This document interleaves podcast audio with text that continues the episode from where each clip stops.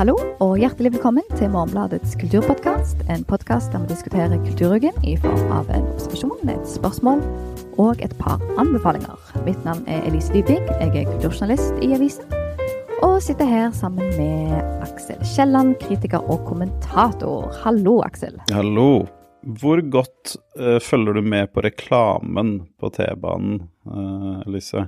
Har, jeg føler at jeg ofte irriterer meg over det jeg eh, stirrer på når jeg sitter der, men jeg klarer ikke nå å huske noe konkret jeg har sett i det siste.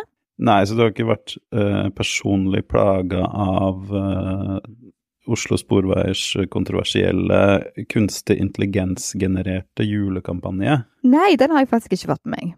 Fortell. De har uh, fått Eh, en eller annen sånn programvare til å generere noen uh, julemotiver for de, uh, istedenfor å betale en illustratør. Og så har de da forutsigbart og uh, rettmessig fått kritikk for det, og så forsvarte de seg vel med noe sånt som at uh, de hadde lyst til å teste teknologien, og det hadde vært litt artig, eller noe sånt. Ok. Og det er da den andre sånn større kunstig intelligens-kontroversen i kultur- og mediebransjen i Norge på ja, et par, tre, fire uker.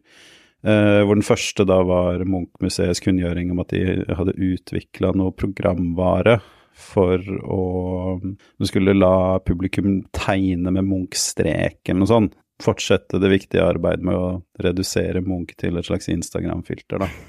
ja, den, den, fikk jeg med meg. Mm. Ja. Men så observasjonen min denne uka er det at i Norge så er det store institusjoner, store offentlig eh, subsidierte institusjoner med store, romslige budsjetter som driver eh, denne utviklingen framover. Tilsynelatende fordi bare fordi de tror de må. Det er ikke økonomien eller liksom de, de store kunstneriske eller kreative visjonene som, som, fordrer bruken av AI her, det kan jo også tyde på at dette er et blaff. At dette er en sånn trend som vil gå over. fordi de, hvis de ikke har røtter i noen sånn uh, større prosesser i, i, kultur- og medieøkonomien, så, så, øker sjansen for at dette er noe man vil se tilbake på og tenke litt sånn jøss, hva var det som gikk av oss da? Om et år eller fire.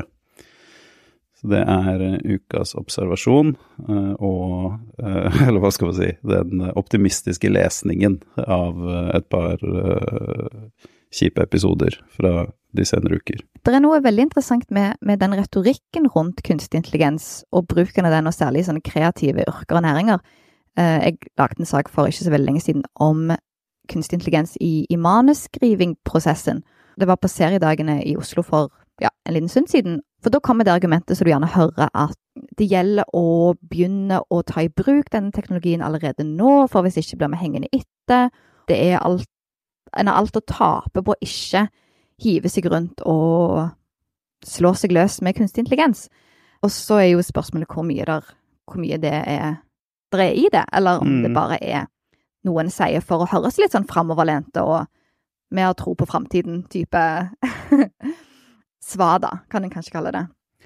Ja, for det er jo en veldig sånn nervøs posisjon å ha, da, at vi, vi kan ikke la være. For det, det, lar seg jo heller aldri motbevise. I hvert fall det lar seg heller, heller vanskelig kritisere da, i, i ettertid. For at da kan du si at ja, da var vi først ute med å, med å finne ut at KI var unødvendig. Det, det man ofte sier med kunstig intelligens, at det, det eliminerer ikke noe arbeid. Det bare flytter arbeidet. Og det, og det det gjør liksom stadig mer av uh, det kreative arbeidet blir et sånn etterhåndsarbeid, hvor mennesker sitter og passer på, eller uh, som vi har sett nå, da, forsvarer arbeidet, uh, eller hva man skal kalle det, materien som produseres av disse programvarene. som da, Programvaren eies jo av teknologibransjen, sånn at det bare flytter makt og handlingsrom fra det kreative og kreative yrkene og over i teknologibransjen. Og man, altså det, er, det, er, veldig vanskelig å finne måter å, å fremstille det på som, som, ikke ser det som noe negativt, men uh, de, de, fortsetter å prøve. Og fra et uh, fravær av menneskelighet så skal vi til et fenomen som kjennetegnes av for mye uh, menneskelighet, og da nærmere bestemt for mye kjendiser. Det stemmer. Ukens spørsmål er hvordan gikk det til at kjendiser kuppa norsk TV-underholdning? For uh, tidligere i år så var jeg på et uh, såkalt behovsmeldingsmøte på NRK, Det er et møte der de eh, forteller bransjen, TV-bransjen, hva er det vi ønsker oss nå av eh, radioprogrammer, TV-programmer osv. Og, og til slutt så sa en av eh, de som var der, noe temmelig interessant med tanke på hva som er på TV nå for tiden, at han oppfordrer bransjen til å tenke litt nytt om kjendiser. Hva med å bruke litt mindre kjendiser som var kjent for å være kjent, kanskje mer kjendiser som var kjent for å være flinke i noe, kanskje det kunne være noe. Og begrunner dette da med at eh, det er faktisk begrensa hvor mange ja, kjendiskonsepter er plass til i Norge akkurat nå. Spoler du fram til nå, tidlig adventstid, desember, da du annet kan se 24 stjerners eh, julekalender på NRK, der 24 eh, kjendiser skal konkurrere, og ikke bare det, du har Kamikaze, og du har all slags andre typer reality, konkurranse, kjendisbaserte program, og NRK hadde jo faktisk òg en sak for ikke så veldig lenge siden, der de så på hvor mange kjendisbaserte program er det på de fire norske TV-kanalene i år sammenlignet med i fjor, og fant ut at det var 47 kjendisbaserte TV-program på du kunne sett i år, sammenlignet med 36 fra i fjor. Og da, i starten av 24 stjerners julekalender, så blir vi fortalt at uh, her skal 24 nøye utvalgte representanter fra det norske folk, i form av 24 kjendiser, konkurrere. Jeg har sett nå ganske mange av disse reality-programmene med overvekt av kjendiser, og veldig mange av de gjør et humoristisk poeng i starten av at du trodde du hadde fått eh, nok kjendiser på TV, men her er det enda et program. Gjør det det bedre eller verre, Aksel, at de er sjøl klar over at her har vi en tendens som begynner å bli et problem, kanskje? De gjør det vel verre. Altså Kanskje man kan si de første programmene som gjorde det. Da, da tok man liksom hull på en eller annen sånn boble. Uh, men, men, etter hvert så blir det jo bare en uh, et, et, forsvar for å, for å, kunne holde på, da, og ikke fornye og ikke, ikke tenke annerledes og ikke, ikke, gjøre noe nytt. Det er jo bare gjenta de samme formlene på igjen og igjen og igjen. Så lenge det er kjendiser? Så lenge det er kjendiser, og det er jo spørsmålet, da. For at det, dette her henger jo sammen med at i utgangspunktet så er det samme fenomen som at uh, Hollywood-filmer uh, de siste 20 årene har uh, hovedsakelig vært basert på tegneseriefigurer, dataspillfigurer, plastleker Uh, som, som, veldig veldig mange har et forhold til. Eh, når det blir flere eh, Når det blir større konkurranse om publikums oppmerksomhet, så, så, blir, så blir, gjenkjennelighet blir en, en veldig viktig, et veldig viktig konkurransefortrinn. Da er det det å, å kunne, kunne, presentere publikum for folk de allerede føler de kjenner, eller i hvert fall vet hvem er. Det regnes da som, som Da har du vunnet liksom halve kampen om å, å få de til å se på. Men så fortsetter det jo bare å, å produsere kjendiser, og kjendisenes liksom effekten av de, hva skal man si, karismaen deres, uh, følelsen av eksklusivitet, følelsen av, uh, av uh, å se på noe viktig, den minsker jo for Altså, kjendisstatus er jo noe publikum projiserer på noen, og jo flere den blir projisert på, det mindre blir Eh, blir kjendisstatusen verdt. Sånn at disse, disse programmene er jo, er jo, liksom både et tegn på at kjendisstatus ikke er hva det en gang var, men, men det bidrar jo til å øke den liksom, inflasjonen i uh, kjendisstatus, da. Uh, og så har man det gående, og så liksom 24 stjerners julekalender er jo liksom Der er det 24 stykk, og jeg vet ikke, jeg hadde kanskje hørt om 18 av de.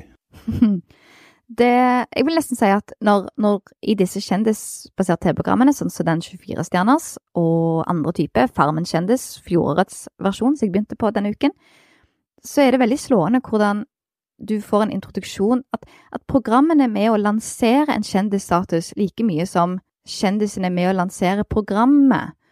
På den måten at når du ser sammensetningen, så er det kanskje, kanskje noen som er kjendiser, men så er det i sånn tradisjonell forstand men så får du en gründer, du får en programleder, du får en um, Personlig trener?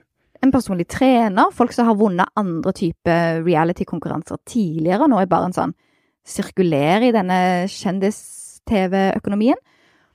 Det er jo, det er jo veldig påtagelig nesten at jeg blir nesten litt sånn provosert når jeg ser de der um, presseskrivene når, når, disse castene til disse programmene lanseres, og de, og de, og de bruker ordet stjernespekka. Um, her er stjernespekka nye deltakerlisten, for eksempel. Og du har knapt hørt om noen av dem. Men da er jo 24 stjerners julekalender sannferdig, i den forstand at de sier at dette er et utvalg av befolkningen. fordi at hvis du har hørt om en av dem, så har um, så representerer den kjendisen kanskje deg, på et vis. Det kan man si. Jeg syns ikke det er noe ved det programmet som virker så sattferdig. Og det er jo også han eh, programleder eh, Neby, han sliter jo litt med navnene selv innimellom. Så han vet jo ikke hvem Han er i hvert fall ikke Han er ikke veldig fortrolig med alle sammen, han heller. Eh, men du har jo rett at disse programmene fungerer også som Altså, de skaper kjendiser. Hvis man ser på hva kjendis, begrepet kjendis i dag betyr, så betyr vel det noe sånt som at en person der det virker rimelig at opptrer i Se og Hør eller denne type programmer, eller går på en eller annen premiereåpning, eh, liksom er å se på en rød løper. Og det produserer jo disse programmene, eh, og de produserer jo flere og flere av de. Eh, men så er det den Det er jo et eh, ganske sånn kronisk tilfelle av uh, diminishing returns her, da, uh, som det heter på godt norsk, at uh, til slutt så er det så mange kjendiser at, at de kunne like gjerne bare vært hvilken som helst postmann eller comptroller fra fra landsbygda, liksom. Altså Kjendisstatusen mister sin, både sin effekt og sin betydning da, uh, i disse programmene. Og så til slutt så bare sitter du og ser på mennesker som Du ser på en slags sånn ikke, ikke så mye liksom en, en uh, kjendis, men du får følelsen at du ser på en, en, uh, en yrkesgruppe eller en klasse på en eller annen form for evigvarende sånn kickoff eller teambuilding-øvelse, da. Og det kan ofte være ganske sånn smertefullt å se på, for det er en sånn naken menneskelig behov for, for, å danne samhold og sånn, men som er sånn utrolig pinlig og ubehagelig å se på.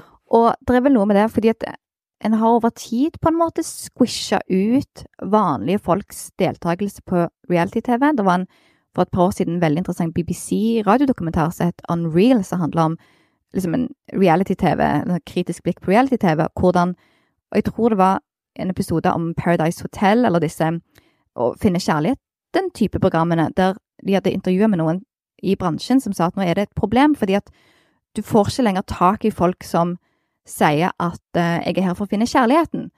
Du finner bare folk 'jeg er her for å bygge profil', 'jeg er her for å få flere Instagram-følgere'. Fordelen med å fjerne i vanlige folk, er jo òg at du kan lage et mye råere underholdningsprodukt, fordi at det er folk som i mye større grad er vant til å de er mye mer bevisst på det medieblikket. Og da, det er jo det som er greien i 24 stjerners julekalender, at det, det går jo ikke an å briljere i noen av konkurransene. Jeg så vel, jeg tror jeg var fra fjorårets sesong, den fikk jo kjempeslakt. Um, men at de har 20 minutter på seg på å gjenskape Stortinget i pepperkake uh, vet ikke, materiale. Mm. og det er jo helt opplagt at ingen kommer til å klare å gjenskape Stortinget i sånn Og så får du en kopi, liksom, hvordan det skal være, med sånn glasuren helt perfekt, videre. Du får jo bare på 20 minutter vrak, og folk som er pressa til det maksimale. Men òg folk du kan presse til det maksimale, fordi at du, du, er ikke redd for at her skal noen ikke tåle det presset, og så må du deale med alt det så det kommer med det etterpå, på en måte. Ja. Du kjøper deg litt fri. Jeg, i dag så er det veldig få som deltar på et reality-program, og så fortsetter bare å gå tilbake til sin vanlige ikke-kjendisvirkelighet. Altså, for det første så er det vanskeligere, fordi at uh, sannsynligvis så vil du da opprettholde en Instagram-konto eller sånn, du vil være en slags, du vil ha en eller annen profil av en viss, uh, viss kaliber. Men mange vil jo da også søke seg videre til alle disse tingene. Sånn at dette er første skritt inn i en eller annen sånn kjendisverden, eller uh, hva man skal kalle det. Karrierevei. Ja, karriere, ja, karrierevei. Og, og, det andre du påpeker, det er jo, henger jo sammen med hvorfor det er så mye komikere overalt. Fordi at uh, veldig mye av jobben her er å sitte og si et eller annet Det er å være seg sjæl. uh, hva nå det måtte bety i dag, og så liksom levere noen uh, replikker til kamera. Uh, og det var jo litt sånn som uh, når, når podkastmediet uh, skjøt fart, så så man både i USA og i Norge at, at da, da, var det komikere uh, i veldig stor grad som, som gjorde det til sitt. Og, og mestra det der, i den der prate om lyst og, og fast podkast-formelen best, fordi at de, de Alle kan prate om det, men de kan gjøre det morsomt. Sant. Og så er det jo en måte å spare penger på. Eh, fordi at hvis du har folk som er gode på å levere foran kamera uten å ha et manus, eller uten særlig mye forarbeid, så kan du bare slippe de løs, filme, og så um, sitter du igjen med noe som folk nok kan få litt oppfall ut av å se på. Ja, og, og det, i USA så snakker man jo at um, reality-TV fikk sitt endelige gjennombrudd etter den manusforfatterstreiken i Hollywood i 2007-2008. Ja, stemmer. Og, og, da lurer jeg på om man ser noe lignende nå i at liksom dette nå virkelig eksploderer etter at du har den uh, utviklingen i bransjen hvor Altså du har den vi har snakka før om uh, at uh, det går dårlig for Viaplay, som var kanskje den som satsa hardest på dramaserier, eh, men, men generelt også har du sett at det, det, produserer mindre av disse strømmeseriene enn før, men desto mer av denne typen ting, da. Mm. Og så er det jo naturlig å tenke at det er en eller annen sammenheng der. Absolutt. Men uh, kanskje det viktigste spørsmålet er det kvalmende? Er det ekkelt? Er det ikke det? Er det, det, er en, veldig viktig del av produktet man blir, blir solgt her, er den ideen om at alle kjendiser er venner fra liksom uh, Fra liksom Njø scene til uh, til de innerste uh, gemakker i NRK, så er liksom det, du, får, du, får, den derre parasosiale gleden da, av å delta i noen andres vennskap. Og det syns jeg begynner å bli ganske sånn ekkelt å, å se på. At her, her, er det en gjeng. Det som syns jeg er litt eh, spesielt med den 24 stjerners julekalender, er hvordan den Det er en sånn apati i forhold til konseptet og sjangeren som går igjen i Særlig hvis du i begynnelsen av første sesong i fjor, eh, så tuller en jo veldig med at ingen husker navnet på hva de er med på. Var det 24? Å nei. Å, var det stjerne? Var det kalender? Var det Ingen husker. Det blir et poeng. Og så nå òg i denne andre sesongen så er det jo òg mye hvis en kan kalle det humor som går på at eh, noen sier noe, og så ja, men bare klipp det ut, det går fint. Um, eller hva andre typer grep Og så blir det jo òg Magnus Devold, han komikeren, gjør jo et poeng ut av at han er veldig på deltakerne, at de må huske å, svare på spørsmålet Eller si spørsmålet de svarer. De kan ikke bare si 'nei, det er helt greit'. De må si 'jo, i dag er jeg faktisk ganske spent fordi at uh, pepperkakebaking er ikke min sterke side', for eksempel. Snakker i hele setninger. Ja. ja, stemmer. Sånn at den den har det der metalaget som gjør serien veldig interessant å se på. Men den er jo òg litt spesiell. Fortell, Aksel. Jeg har jo inntrykk av at du ikke syns det var Du hadde ikke sett 24 stjerners julekalender av deg sjøl? Nei, det er ikke det. Det er liksom sånn kjerneeksempler på sånn der eh, Nå skal vi bli venner-TV, eh, som, som, jeg virkelig ikke fordrar. Den type gruppedynamikk jeg har aller vanskeligst for i hele verden. da. Så skal jeg sitte her, men jeg får ikke engang noe sosial gevinst av og jeg, jeg, får ikke, jeg blir ikke forfremma, jeg får ikke et bedre forhold til til arbeidskameratene mine. Jeg skal bare liksom sitte her og se på, på noen på noen firmatur. Men det beste altså Man kan jo la være. Nei, altså Du har rett i at det, det, det interessante ved det er den der totale gjennomsiktigheten, da. Fordi at uh, det at ingen tar programmet på alvor, og alle er liksom åpne om at Altså det, det er ingen uh, fiksjon de spiller med på. Ja. Men og det, det, det, avslører jo at i bunnen her så ligger det en sånn der uh, brutal nødvendighet, og det er at uh, noe skal jo disse folka tjene penger på, og noe skal jo NRK sende. Og, og det at man liksom tuller med det og, og, påpeker absurditeten i det, det endrer ikke det faktum. Man bare fortsetter og fortsetter og fortsetter. Helt til publikum etter hvert sier slutt. Men det vi vet jo, er jo at de siste 10-15 årene så har jo reality-programmer bare blitt billigere og billigere. Uh, sånn at det, du kan strekke den strikken ganske langt da, før publikum slutter å se på. I hvert fall før alle slutter å se på.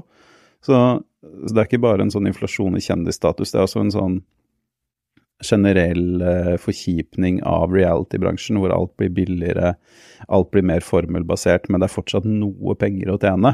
Uh, og så bare liksom kverner det og går. Det er vel òg gjøre til og med et poeng ut av dette med budsjettet en har ruttet med i 24 stjerners julekalender, der en av deltakerne har et utspill om hvorfor er det så hvorfor er det lagt opp så, så enkelt og basic i, eh, i, utformingen av konkurransene. Burde en ikke skrudd opp ambisjonene på, på den fronten. Men, men, så tenker jeg òg at i og med at det her er snakk om en julekalender der det kommer én ny episode hver dag, er òg med på For det føler jeg at det er en kjempestor anstrengelse nå i TV-bransjen på å gjenoppfinne linær-TV på nytt. Og så har jo alle funnet ut at det dummeste de gjorde noen gang, var å la seerne venner seg til at alt kommer på én gang når det er noe nytt. Mm. Sånn at julekalenderen er med å igjen forplante ideen om at du kan få et forhold til folk hver dag over en periode. Og så det konkurranseaspektet gjør jo òg at du følger med fordi at ja, nå har jeg begynt å se, nå er jeg faktisk litt interessert i hvem som vinner årets sesong. Og før du vet ordet av det, så har du folk med deg hver dag igjen, sånn som en gjerne hadde mer av før. Ja, og i, i, et kalenderår da, så er jo jula det, det, er jo den perioden hvor folk er mest mottakelig for det. Fordi, fordi jula er tradisjon, og uh, alle TV-tradisjonene folk har i jula, er jo eller det er kanskje et generasjonsspørsmål, da, for at du har jo etter hvert generasjoner som har vokst opp med, med ting på, som, som, strømmes, men i hvert fall jeg og du og, og andre som er født før uh, årtusenskiftet, har jo et veldig forhold til Altså, hva, man, hva ser man på på jula? Jo, man ser på det som sendes, og man har en veldig sånn nostalgi knytta til å se det som går, uh, snarere enn å se det man velger. Uh, og så er det da det man så, Og da er det jo langt på vei naturlig at man da bruker den nostalgien og den lengselen etter det lineære uh, til å prøve å vekke opp igjen den der gamle TV-vanene, da, hvor folk faktisk liksom setter seg ned, om ikke til et bestemt tidspunkt, så i hvert fall på en bestemt dag og ser noe. Absolutt. Og her er det jo denne julemagien som skal på sett og vis være det bærende elementet i 24 eh, stjerners julekalender, selv om en den julemagien er det ikke så mye magisk ved, da, og det er nesten òg programmet klar over sjøl. Men to momenter nå på slutten. ene er, har seere noe makt i dette? Fordi jeg føler at du med jevne mellomrom leser sånne saker at å nei, nå er det 10 000 ganger mer kjendiser på TV enn det var for to måneder siden. Nå har jeg jo faktisk sett på en del av disse. Jeg har sett også på Kamikaze med Jon Almaas som går på TV Norge. Og jeg må jo si, når jeg først begynner å se, så Hvorfor ikke, liksom? Sånn at uh, det er noe med kan en, kan en gjøre noe med dette, eller må en bare vente på at bransjen skal gjøre dette så lenge de føler at dette øh, funker, og så få håpe at en tenker annerledes etter hvert? Det er jo alltid det viktige valget man har, er jo se versus ikke se, da. Mm. Men uh, den enkeltes valg har jo ikke gir jo ikke de store ringvirkningene, så folk må jo handle sammen. Så jeg vet ikke, starte Facebook-grupper og skrive kronikk. Uh, nei, men uh, jeg synes også En annen ting som jeg syns er viktig her, da, uh, som, som, det spiller inn i, er en sånn Dette er en større problemstilling på kulturfeltet. Og jeg syns Maskorama liksom symboliserer dette bedre enn noe annet, fordi det Maskorama gjør, er at den gir et inntrykk av at kjendisene, kjendisdeltakerne altså Premisset i Maskorama er jo at du har folk som synger og danser i et kostyme, og så skal man gjette hvem de er. Og da er det implisitt der at det kan være hvem som helst. Så da har du bak den maska har du hele den potensielle udifferensierte kjendisstatusen til hele Norge. Uh, og så, uh, når de da avsløres, så uh, Så er det konkretisert, det, og da vet man hvem det er. Og, og, ingen kjendis der kan på en måte være større enn mysteriet. Ingen kjendisstatur kan være større enn det uavklarte spørsmålet. Men den, den hviler på det, da. og det er et eller annet i kulturen vår som gjør at det er tiltrekkende. Altså vi trekkes mot noe større enn det vi har. Og, og, ofte så er det da den 24-stjerners julekalendermodellen hvor du bare liksom du stabler det oppå hverandre. Her er én kjendis, her er én kjendis, her er enda en, her er enda en. Og så tenker man at den totale summen av det, det, det da, da, når man uh, den mengden uh, liksom karisma eller hva man trenger. For å ende da på et litt flåsete sted, Aksel, før vi går over til anbefalinger.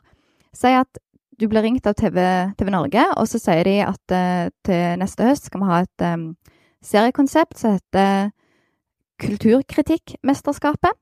Og de vil gjerne ha deg med som deltaker. I uh, ti episoder skal norske kritikere konkurrere om å være den beste kulturkritikeren. Hva sier du? Jeg tror jeg må på do den dagen, jeg. Så det, det passer, passer dårlig. Men uh... Men hvis de òg sier at premien er et halvt års um, uh, fullt betalt skriveopphold i Sør-Frankrike. Ja, nei, likevel, jeg tror jeg, jeg har mye å gjøre, så jeg tror det blir vanskelig. Men uh... Hadde ikke følt deg frista? Nei, altså, det skal sies at jeg, jeg, gjør meg eksepsjonelt dårlig. Jeg greier ikke å posere for et byline-bilde engang, jeg, så jeg gjør meg eksepsjonelt dårlig på skjerm. Så det er sånn et person, personlig grunn i tillegg til en sånn overbevisningsgrunn. Men uh, mm. nei. Ikke engang hvis du tenkte at nå kunne du få vært med å formidle til det norske folk hva kulturkritikk egentlig er, og hvorfor vi stadig trenger kulturkritikk. Så nå setter du et likhetstegn mellom norske folk og TV Norge-publikummet som jeg syns er litt tvilsomt, da. ja, det er godt poeng. Nei, eh, nei, men jeg skulle, gjerne, jeg skulle gjerne sett programmet sånn med noen andre, men uh, nei. Nei, nei, ok. Men da kan vi jo la det bare surre litt og se om det, det blir noe etter hvert i, i, den retning. Ja, og håper at du får noen royalties hvis noen uh, plukker opp. Plutselig ser jeg reklameplakatene på, på trikken. Mm. La oss gå på uh, anbefalinger. Det har kommet uh, nye episoder nå av podkasten Nervøse tider. Uh, det er et av de mest besynderlige og fascinerende fenomenene i Podkast-Norge. Det er en slags blanding av virkelighetskrim, historie og hørespill om virkelige hendelser i Norge før første verdenskrig. det er laget av Terje Embeland, Torstein Arisholm og Nils Nordberg. Det er et luksusprodukt av en podkast eh, med, med, liksom uh, hørespillsegmenter med liksom mange prominente norske skuespillere. Og det er da finansiert av, av fagforeninger, eh, som jeg syns er, er, fascinerende. Men, men, først og fremst er det bare en veldig god podkast som flere burde lytte til. Det finnes der hvor podkaster finnes. Veldig bra. Jeg må benytte meg av anledningen i år, før vi bikker til 2024, og anbefale å se på nytt, eller se for første gang, filmen 'Herfra til evigheten', 'From Here to Eternity' fra 1953.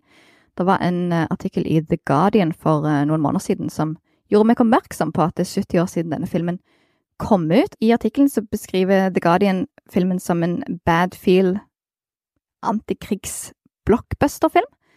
Og jeg husker at jeg så den på DVD en sånn søndag jeg gikk på ungdomsskolen, og det var første gang jeg følte jeg så en skikkelig voksenfilm. Ikke fordi at den er så sensasjonell på så mye, men fordi at Ja. Den er så full av bitterhet og skjebner som bare går i feil retning, og ingenting blir sånn som en skulle ønske det kom til å bli. Og det er et sånn fantastisk alvor over filmen. Um, i tillegg til veldig flotte rolleprestasjoner av Frank Sinatra og Montgomery Clift og Donna Reed og Ja, Deborah Kerr, ikke måte på. Så veldig, veldig uh, anbefalt å ta en kikk på den. Den ser jeg at du kan leie på Apple TV. Har du sett den, Aksel? Nei, faktisk ikke. Ja, ja, men da har en jo um, en anledning nå. 70, 70 år siden. Um, to timer, hvis en kan finne de innimellom alle reality-seriene som må ses i tillegg.